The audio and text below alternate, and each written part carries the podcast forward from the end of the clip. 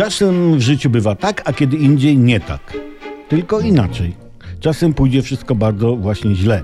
W pewnym mieście pewna pani wezwała policję, twierdząc, że nie może wejść do mieszkania, bo się ulatnia gaz.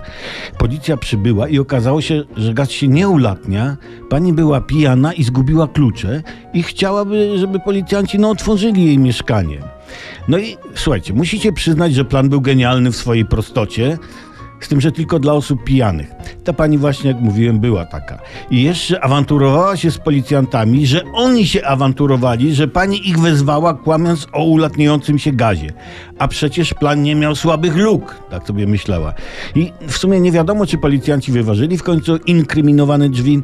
Ważniejsze pytanie brzmi, co powinniśmy zrobić w sytuacji, w jakiej znalazła się ta pani?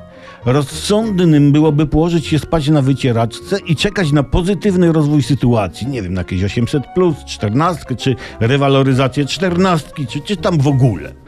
Do głowy przychodzi tu jeszcze lepszy plan, bo Pani mogła powiedzieć, że w jej mieszkaniu zamknęli się balon nad Białorusi i zaginiony policyjny dron, piją i nie chcą jej wpuścić. Aha, wtedy tyle służb by się zjechało, że pani mogłaby wybierać, kto jej otworzy drzwi. Ty, ty i ty.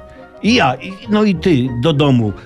A wy otwierajcie. No, można oczywiście nie pić i nie gubić kluczy, ale to, no, to jest wyjście dla ludzi prostych, czy tam tchórzliwych Francuzów, nie?